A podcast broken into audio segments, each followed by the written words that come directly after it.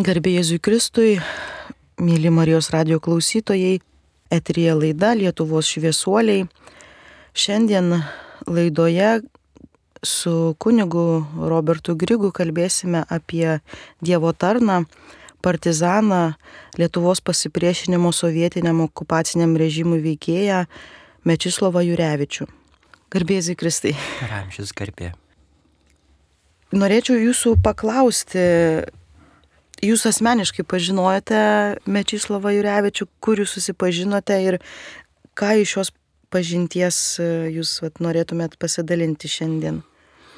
Taip, tai vienas iš anksčiausiai mano pažintų Lietuvos laisvės kovos dalyvių ir turbūt viena iš ryškiausių to katalikiškojo taikios rezistencijos sparno asmenybė, o kur pirmą kartą susitikome ar bendravome būtų net sunku pasakyti, nes 80-mečio pradžioje ir Mečislovas, ir, ir aš su gražiu būreliu Dzukijos ir Suvalkijos tikinčio jaunimo priklausėme tuo metu pradėjusiam telktis Lietuvoje Euharistijos bičiulių sąjūdžiui. Tai buvo daug bendrų darbų, slaptų susitikimų.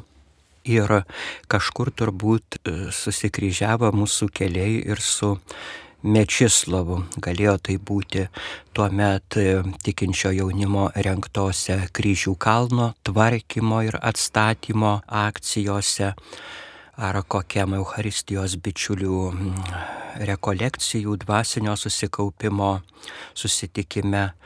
Taip, be neryškiausiai prisimenu, kai žmogaus atmintis vis tiek daug ką išlaiko ir vaizdais, tai yra išlikusi daug kur knygose publikuota viena iš to meto nuotraukų, kai mes būrelis to meto lietuvių taikiosios rezistencijos dalyvių Vilniuje, dar prisimenu tą vietą, tada vadinosi Lenino rajono liaudės teismas ko gero tai yra dabartinė Kalvarijų gatvė, stovime prie teismo durų po vieno Vilniečio disidento Romaldo Ragaišio teismo 1979 metais. Tuomet dažnai vykdavo, manau, viena iš tokių gražiausių lietuvių tautinio katalikiškojo sąjūdžio akcijų, kaip vykdavo politinių kalinių teismai, negalėdami niekaip kitaip, aišku, pasipriešinti tai neteisingai teisminiai okupaciniai sistemai. Kiek galėdavome iš visų Lietuvos kampelių suvažiuodavome prie to teismo pastato pastato, dažniausiai vidų neįleisdavo, įleisdavo tik tai artimiausius giminės, kartais ten tuo metu milicija ir vaikydavo arba keliom parom sulaikydavo tokius dalyvius, bet bent šitaip mėgindavome pareikšti teisėmiesiems solidarumą. Jeigu pavykdavo, perduodavom gėlių teisiamajam ar jo artimiesiems, kalbėdavom rožančių garsiai gatvėje prie teismo, kas labai pykindavo to meto sovietinius tvarkdarius ir tokiu būdu parodydavom palaikymą tiems nekaltai teisėmiesiems. Tai va yra ta nuotrauka, kur kaip dabar matau labai, labai nedaug tarp važiuojamosios gatvės dalies ir to teismo pastato, toks gana siauras šalygatvis, bet mes prieš teismo duris stovime. E, Burelis Vilniečių ir įvairių Lietuvos vietų lietuvių patriotų, daugelis iš kurių buvo katalikai ir taip iš kairės pusės stovi kunigas Jonas Kastytis Matuljonis jau amžinatelsi, po to irgi nuteistas sovietų kalėjimo ir tremties bausmėmis, stovi toks kresnas, neaukštas, kaip žemas toksai kvadratinės formos ažuoliukas Mečislovas Jurevičius ir toliau kukliai, ramiai, kaip mes ją esam pratę matyti, kunigas Sigitas Tamkevičius, toliau Antanas Terleckas savo petingas aukštų ūgių ir visa eilė kitų mums brangių ir mylimų, daugelis jau iškeliausių anapus rezistencijos dalyvių. Tai ten kažkur tai apačioje su jau, jaunesnėje maištaujančių lietuviukų karta ir aš tenai pritūpęs esu su kestučiu subačium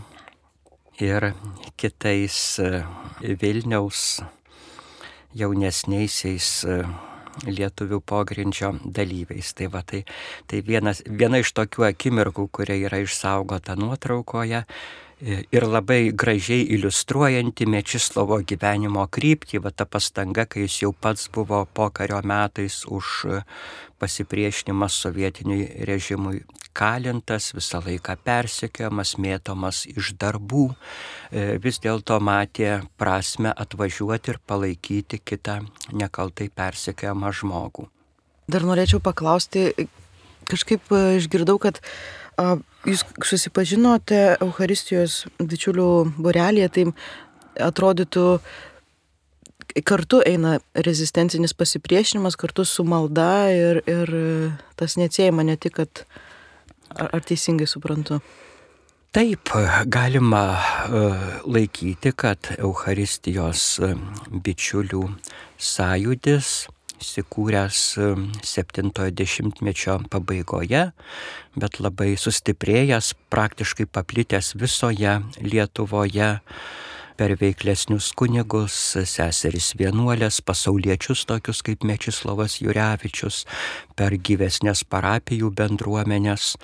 Tai ir, ir buvo mm, labai ryški, tokia sakytume, katalikiškai Lietuvai specifinė mūsų taikiosios rezistencijos dalis, kuri nekvietė kažkaip politinėmis akcijomis ar kokią nors mm, fizinę jėgą keisti ar, ar versti tą neteisingą mums primestą valdžią, bet kvietė vykdyti gyvenimo pokyčius, siekti pirmiausia dvasinės Lietuvos laisvės per savo pačių moralinį tobulinimą, per dvasinį atgimimą, ypač pabrėžiant tikinčiųjų gilesnį tokį įsisamonintą ryšį su Euharistija. Tai yra su Kristumi esančiu šventojoje komunijoje giliau išgyventi tą tikėjimo tikrovę, kaip, kaip žinome, šitą sąjūdį.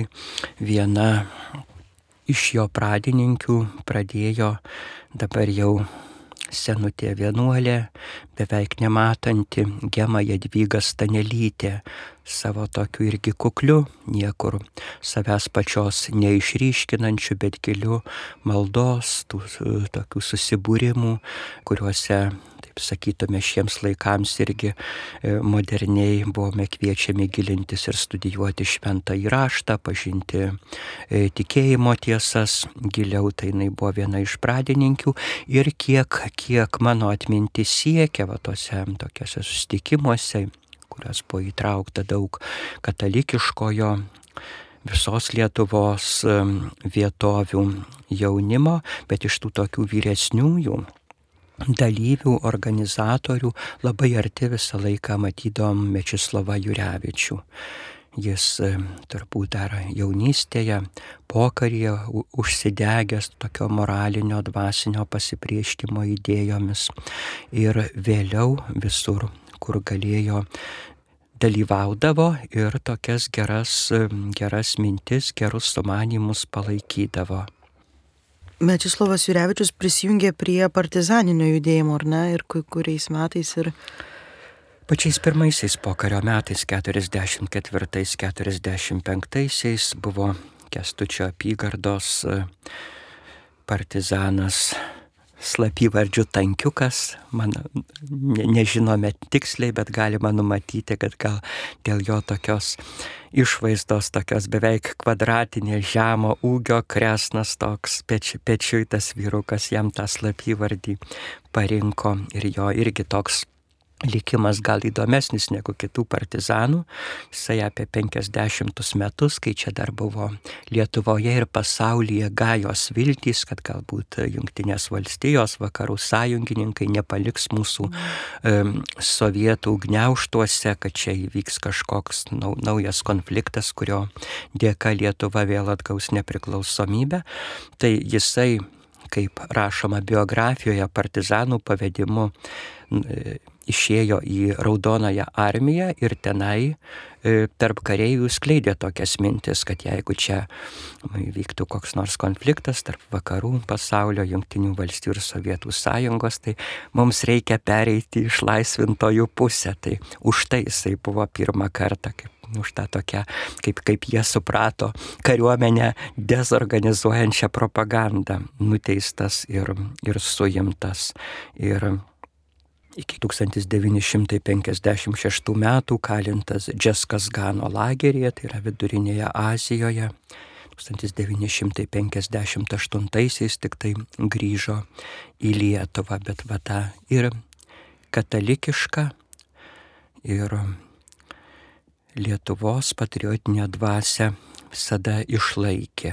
Ir kas, manau, jį atvedė, suvedė su tikinčiųjų teisių tuo gynimo baru, tai būtent tai, kad jisai iš yra kilęs, paskui ir vis, praktiškai visą gyvenimą laisvėje gyvenęs Šiauliuose, Šiaulių apylinkėse, iš jų iš paprastų Šiaulių apylinkių šakynos valstiečių šeimos yra kilęs, tai jis visą savo veiklą grindė ne, ne kokią nors tokią keršto ar tokio politinio pasipriešinimo, bet pirmiausiai tikėjimo moralės mintimi, kad tai, kas vykdoma, tas lietuviškų tradicijų, tikėjimo griovimas, e, švietimas, kuriuo ideologizuojamas Lietuvos jaunimas, jisai giliai suprato, kad tai yra neteisinga, tai yra prievartinė, pirmiausia, žmonių dvasinį gyvenimą greunanti veikla ir, ir kaip, kaip suprato jai.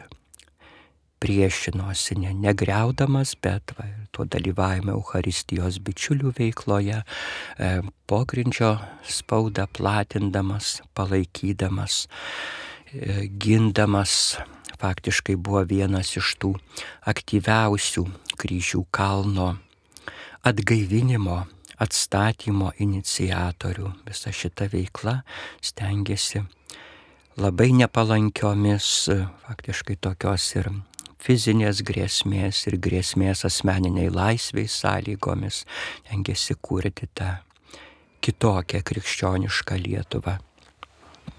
Taip pat žinau, kad Mečislavas Jurevičius organizuodavo, nežinau, ar eitines, ar, ar piligrimystę reiktų vadinti, iš Tytuvėnų į Šiluvą. Gal jūs kažką žinote apie tai daugiau?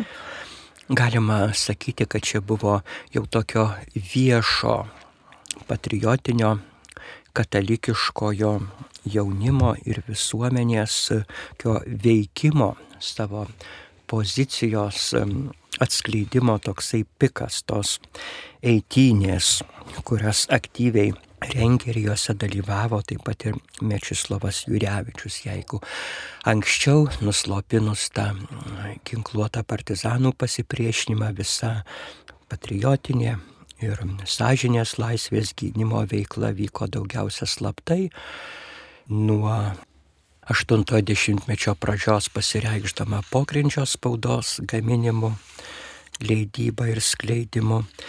Tai e, aš manau, kad tie dalykai įtakojo, e, savotiškai skatino vienas kitą žmonės. E, leisdami, skaitydami, dalindamiesi pogrindžio spaudą, vėliau kaip, kaip jos atgarsį girdėdami jau per užsienio radijos stotis, kai Lietuvos katalikų bažnyčios kronika ir kiti leidiniai įvairiais keliais pasiekdavo vakarus.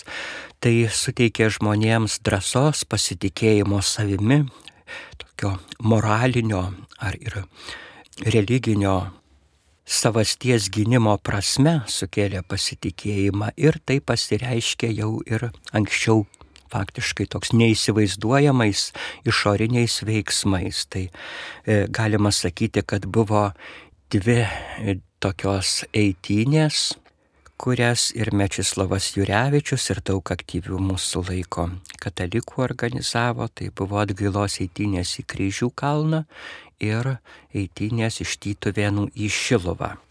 Pirmosios, kuriuose trumpai faktų kalba, bet gražiai aprašo ir Lietuvos katalikų bažnyčios kronika, tokios dar mažesnės, tik tai artimų bendraminčių būrelį, tai vyko būtent 1973 metais į Kryžių kalną.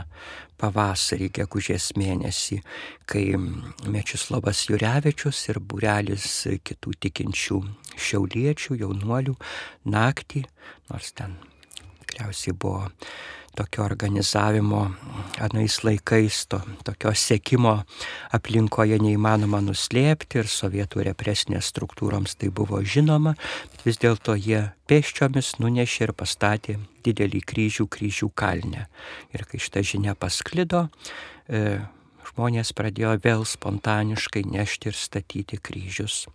Maldos mintimi gal kiti ir tokia e, pasipriešinimo tai sovietiniai prievartai, pasipriešinimo kryžių kalno, kultūros vertybių naikinimui, mintimis žmonės nešė ir vėl statė kryžių kalną ir greitai jisai po eilės visiško tokio nugriovimo, buldozeriais kryžių sunaikinimo, greitai kryžių kalnas vėl tapo toks, kokį mes matome dabar nuotraukose kaip kryžių miškas.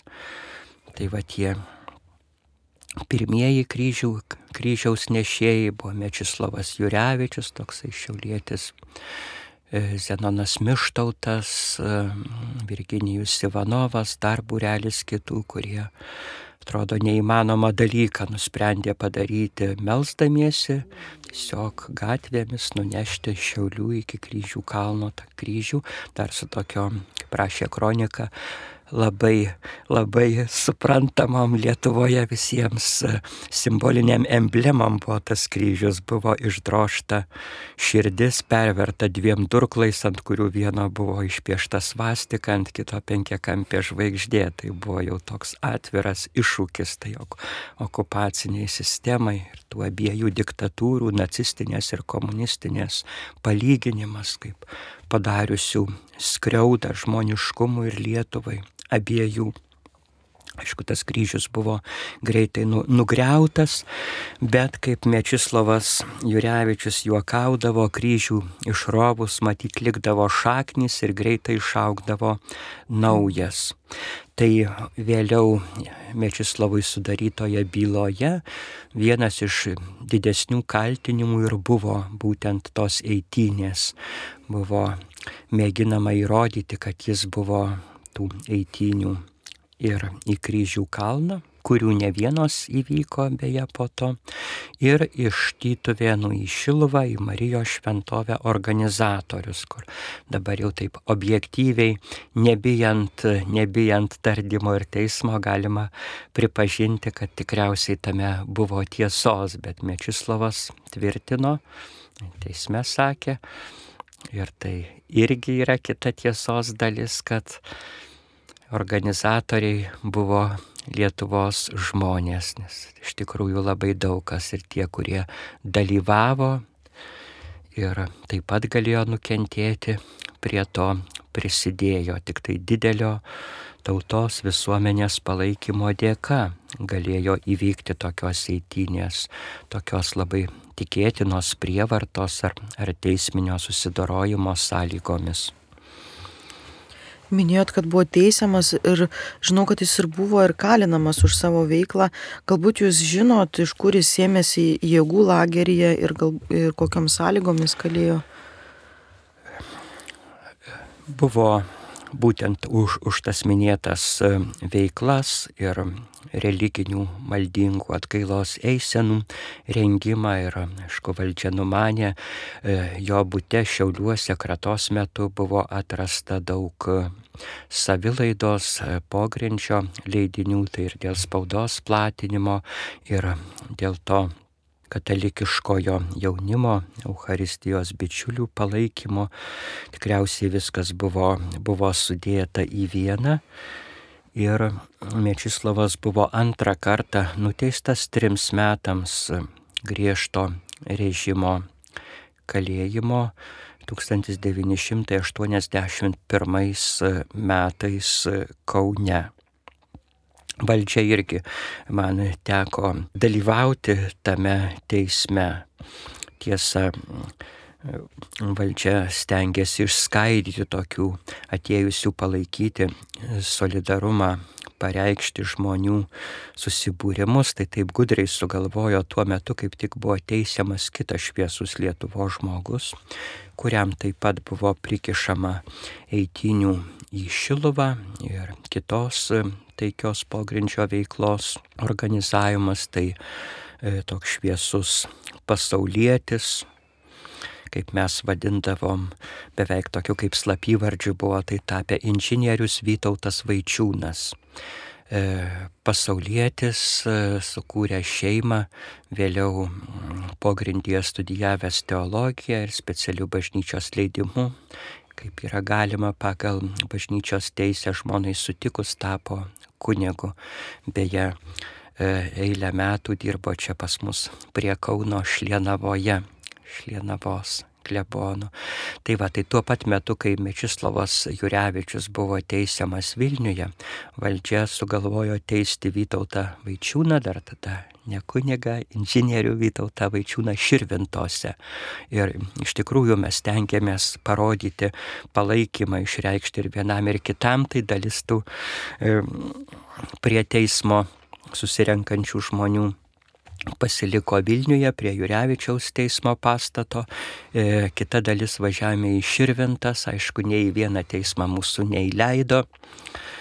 Susilaukdavom tik tai valdžios pareigūnų ir tokių per daug, per daug galbūt steng, besistengiančių įsiteikti valdžiai piliečių riksmų ir, ir, ir plūdimosi, bet na, darėm, darėm, ką galėjom. Tai va, tuo metu Jie buvo teisiami abu ir Mečislavas Jurevičius ir Vytautas Vaičiūnas. Ir e, Mečislavas buvo kalinamas po teismo kurį laiką Marijampolės kalėjime, ten ir dabar dar yra išlikęs turbūt kriminalinių nusikaltelių kalėjimas, kaip tada buvo pervadintas sovietų Marijampolė, sovietų laikais kapsuku Marijampolė. Tai kalėjo tame kapsuko kalėjime, paskui buvo išgabentas toli į Rusiją į Čeliabinsko lagerį.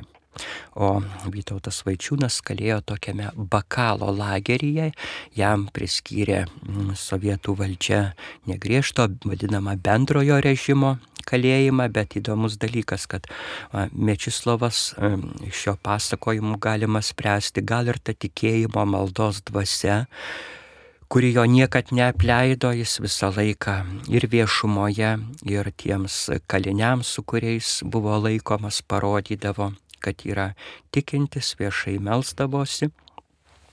Beje, sulaukdamas ir, ir kalinių, ne vien tik tai politinių, bet ir kriminalinių palaikymo ir simpatijos, nežinot, jiems atrodė, kad va, yra mūsų, mūsų likimo brolis irgi tos nemylimos valdžios nuteistas, tai yra savas. Ten įvairių istorijų irgi apie susitikimus su kaliniais Mečislavas papasakodavo. Tai va tai Iš jo pasakojimo atrodė, kad tas griežto režimo e, lageris jam buvo kaip ir lengvesnis negu Vytautui Vaičiūnui bendrojo režimo, kuris jisai patyrė ir badą, ir kaip mums pasipasakodavo, ten buvo tokios antihigieniškos sąlygos, kad ten kalinius tiesiog utelė sėdė. Kart, kartais tai būna, kad tose vadinamuose turbūt griežto režimo įstaigose, nors jos ten turi daugiau visokių apribojimų, bet būna daugiau tvarkos, o tokiuose periferiniuose, niekam nerūpinčiuose kalėjimuose kartais vargas būna, būna skaudesnis. Tai iš Mečislavo pasakojimų būtent prisimenu jis taip ne, ne, neiškeldamas per daug, ne, nesigirdamas savo tikėjimu, bet taip natūraliai. E, vėliau mes irgi tokią praktiką turėjom, kad kai grįžta koks politinis kalinys, dėl tikėjimo, dėl tėvinės kentėjęs, tai rengdom susitikimus Euharistijos bičiulių būreliuose. Jie kaip Mečislavas arba grįžus iš, iš lagerio, iš tremties Sonijolė Sadūnaitė tiesiog važinėdavo po Lietuvą ir mūsų Euharistijos bičiulių susitikimuose pasakodavo apie tas patirtis, apie tai, kaip patyrė kalinimo, kalėjimo sąlygomis Dievo pagalbą, kai kuriuos tokius atrodo tikrai į stebuklus panašius įvykius Dievo išgyvenimo, Dievo paguodos ar apsaugos patirtis papasakodavo ir irgi ne, ne dėl to, kad kažkaip iš, išaukštintų ar pabrėžtų save, bet žinant, kad gali būti, kad ir daugelis tų jaunų žmonių, jeigu eis e, tiesos keliu, e, laikysi sąžinės, dar bandys kažką padaryti dėl bažnyčios ir Lietuvos, tai taip pat gali patekti į tas e, laisvės atėmimo ar bausmės vietas. Ir tiesiog ta patirtis, susiorientavimas, kaip kada elgtis, kokių gali sulaukti iššūkių iš kriminalinių kalinių, arba kaip atsilaikyti visokioms e, sovietų tardytojų ar, ar prižiūrėtojų pasiūloms, pastangoms užverbuoti ar kylančioms pagundoms, tai va ta tokia patirtis mums jaunesniems buvo labai naudinga. Mečislavas taip pat ypač pabrėždavo vis, visą laiką, kad tik tai su Dievo pagalba ir malda galėjo ištverti tuos sunkumus, ne vien tik tai moralinius, bet dažnai ir, ir fizinius išbandymus.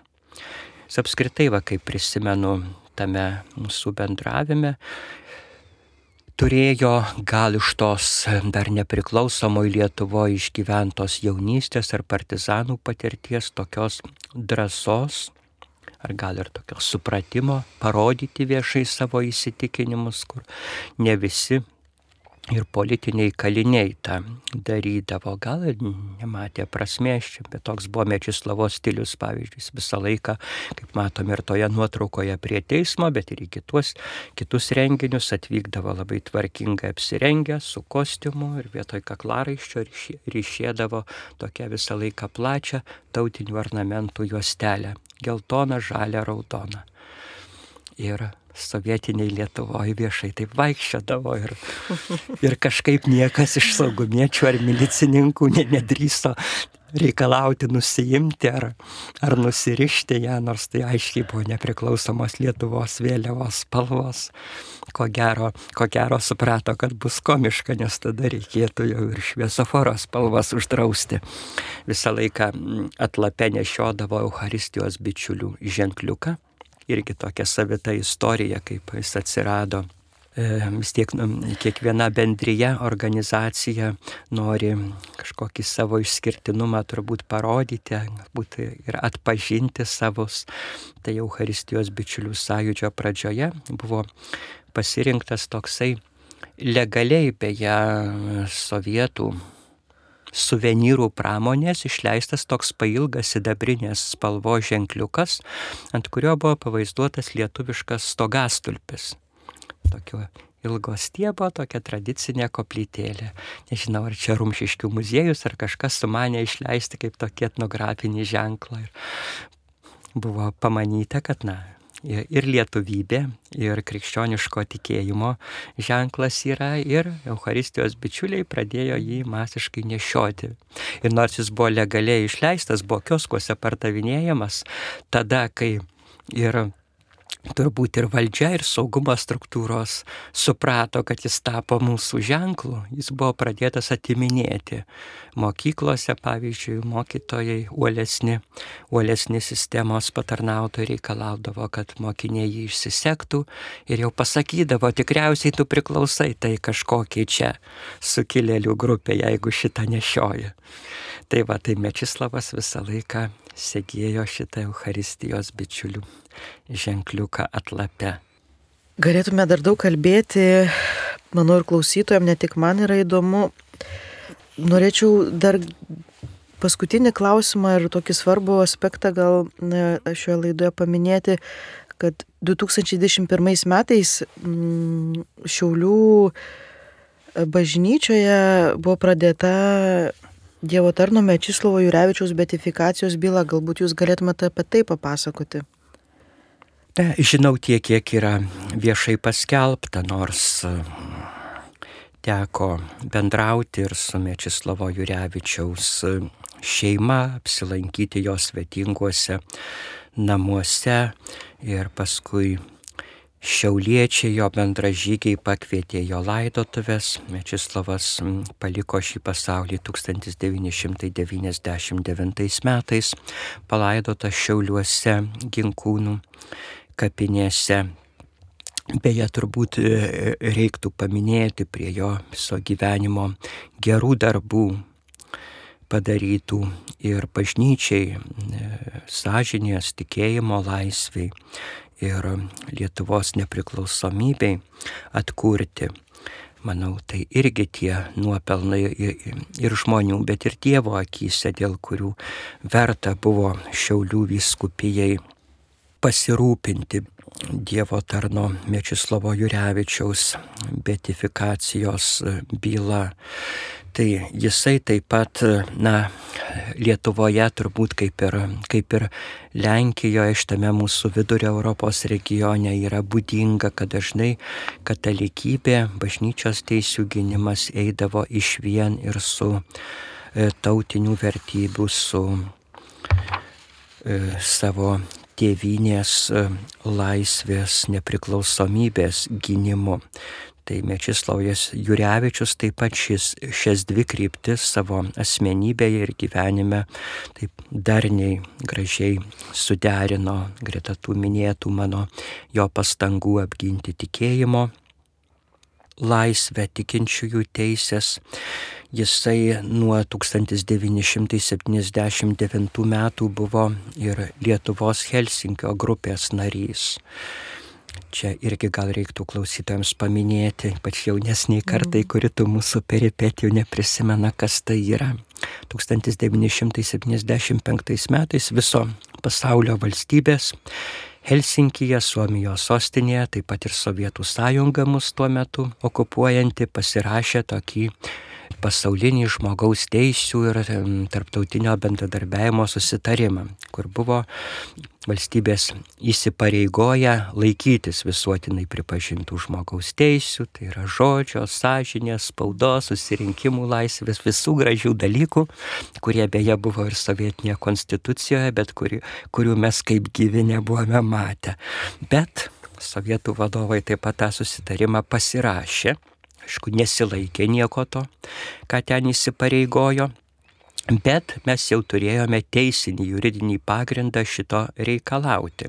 Ir visoje Sovietų sąjungoje, na, tokiuose aktyvesnėse galbūt šalyse, Maskvoje, Ukrainoje, Baltijos valstybėse pradėjo kurtis vadinamos Helsinkio grupės oficialiai tas pavadinimas buvo visuomeninės Helsinkio susitarimų palaikymo grupės. Ir Lietuvoje, kas irgi turbūt parodo mūsų visuomenės tokį gyvumą, pasirengimą bet kokią progą pasinaudoti, kad atgautume daugiau vidinės laisvės, jau praėjus metams po Helsinkio susitarimo 1976 metais įsikūrė Lietuvos Helsinkio grupė, kuri rinko duomenis apie tų susitarimų pažeidimus, viešai nurodydama dalyvių adresus, kur žmonės gali kreiptis. Kai jie jaučiasi, kad jų teisės pažeidžiamos, skelbia vis reguliariai tokius dokumentus kurie pasiekdavo ir tarptautinę erdvę. Tai tokiu būdu irgi taikiu būdu bandė ginti ir prigimtinės, ir mūsų tautinės teisės. Tai tą pirmąją Helsinkio grupę įėjo penki nariai. Manau, irgi e, Lietuvos visuomenė taip spontaniškai, teisingai nusprendė, kad būtų įvairių pasauliežinių krypčių bent po vieną atstovą. Tai buvo toks kunigas iš rytų Lietuvos veiklus jėzuitas Karolis Garutskas. Buvo nu, ir dabar žinomas tokių gal liberalių pažiūrų atstovas rašytojas Tomas Venslova. Irgi būdinga, kad garsaus sovietinio veikėjo, vežusio Stalino saulę į Lietuvą Antano Venslovo sūnus. Ir čia buvo irgi toks tarsi pogrindžio laimėjimas, kad štai jo sūnus dabar yra mūsų pusėje pasisako prieš tą sovietinę priespaudą. Buvo tokia poetė, buvusi politinė kalinė, bet taip pat šiaulietė Ona Lukauskaitė Poškienė, žydų tautybės mokslininkas fizikas Eitanas Finkelšteinas, Ir žinomas taip pat žmogaus teisų gynėjas, katalikas, politinis kalinys Viktoras Petkus. Tai šita grupė veikė gana neilgai, greitai sovietai pajutė grėsmę iš to tokio viešumo, kad jų darbai nusikalstami darbai viešai skelbimi ir demaskuojami, pradėjo persekioti tos grupės narius. Viktoras Petkus buvo suimtas, nuteistas.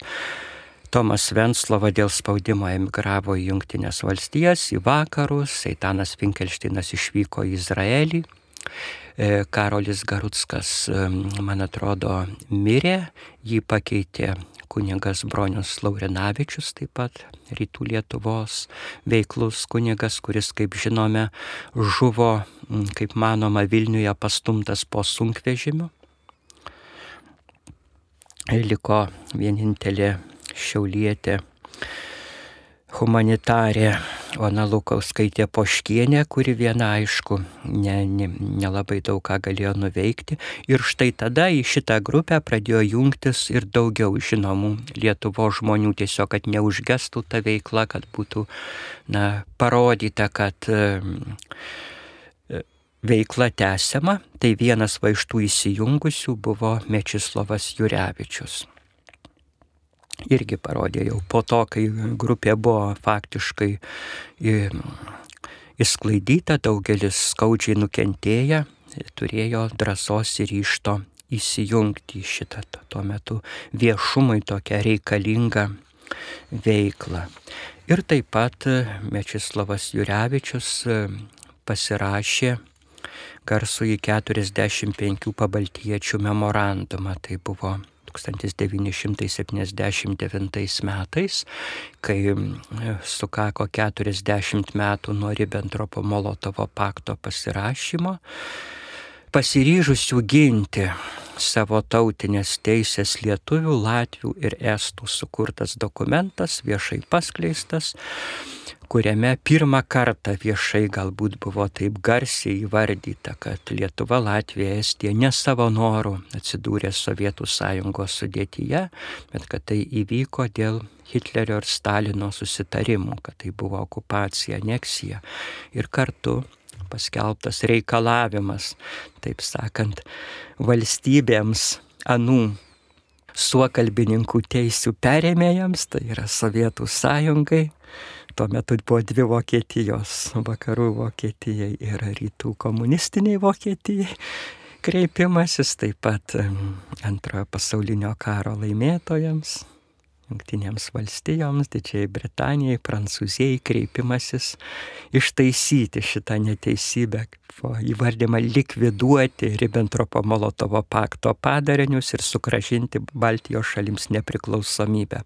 Ko gero, okupacijos sąlygomis tai buvo vienas iš tokių drąsiausių ir taip, na, politiškai, teisiškai labiausiai pagristų dokumentų, dėl kurio tikrai Maskvos valdžia labai įpyko, nes argumentų prieš nelabai galėjo rasti ir paskui, kaip galėjo, bandė šito dokumento reikšmę paneigti jo numanomus iniciatorius teisti arba auginti. Tada vieni iš iniciatorių Antanas Terleckas ir Julius Asnauskas buvo e, suimti ir įkalinti. Bet e, manau, kad savo reikšme, kada nors Lietuvos istorijoje šitas dokumentas turėtų būti greta kovo 11 akto, nes žmonės iš visų Baltijos trijų šalių okupacijos sąlygomis viešai pareiškė, faktiškai deklaravo mūsų teisę į nepriklausomybę, į tai, kad juridiškai ir toliau Lietuva, Latvija, Estija yra atskiros šalys ir turi būti nepriklausomos. Tai va Mečislavas Jurevičius buvo iš tų drąsuolių, kurie taip pat pasirašė šitą dokumentą. Aš taip kartais pagalvoju, čia gal tokie, nu, e, pas viešpatį esantiems jau mirusiems e, žmonėms. Gal tai nėra taip svarbu, svarbu tie dvasiniai nuopelnai ir turtai, bet va dėl mūsų pačių atminties gal būtų gražu, kai kartais va matau, kaip tokie tipiniai paminkliukai yra pastatomi e, vasario 16-osios akto signatarams prie jų kapų, kur galima, ten yra toks tipinis standartinis e, paminkliukas, kur jau pati išvaizda rodo, kad čia palaidotas, čia gyveno, buvo vasario 16 akto signataras, tai manau, kad praėjus kiek laiko galėtų būti ir prie šitų 45 pabaltijiečių atminimo vietų kažkoks toks e, visiems jiems bendras, e, tipinis toks atminimo ženklas.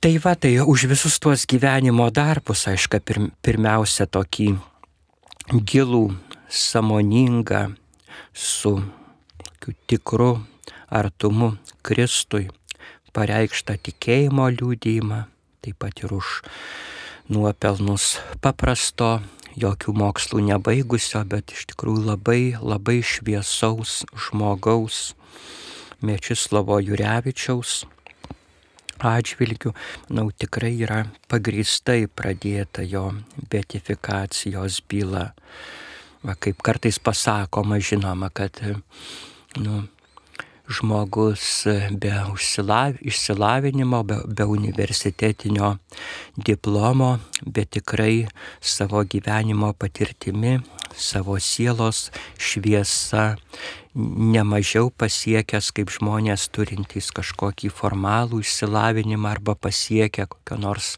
visuomenė reikšmingo posto. Tai čia yra vienas iš tų gyvenimiškų pavyzdžių, kad visų tų išorinių formalių dalykų gali nebūti, o, o žmogus savo tikėjimo bendruomeniai, savo tautai gali būti taip kukliai, savęs nepabrėždamas, tiesiog darydamas tai, kas yra suprasta kaip pareiga, kas yra teisinga, gali būti nuveikęs labai daug. Ačiū labai Jums, mūsų laida jau baigėsi, tai noriu priminti, kad su Jumis buvo kunigas Robertas Grigas. Laidą Lietuvos šviesuoliai vedžiau aš, Laima Lekavičiūtė. Sudie. Su Dievu.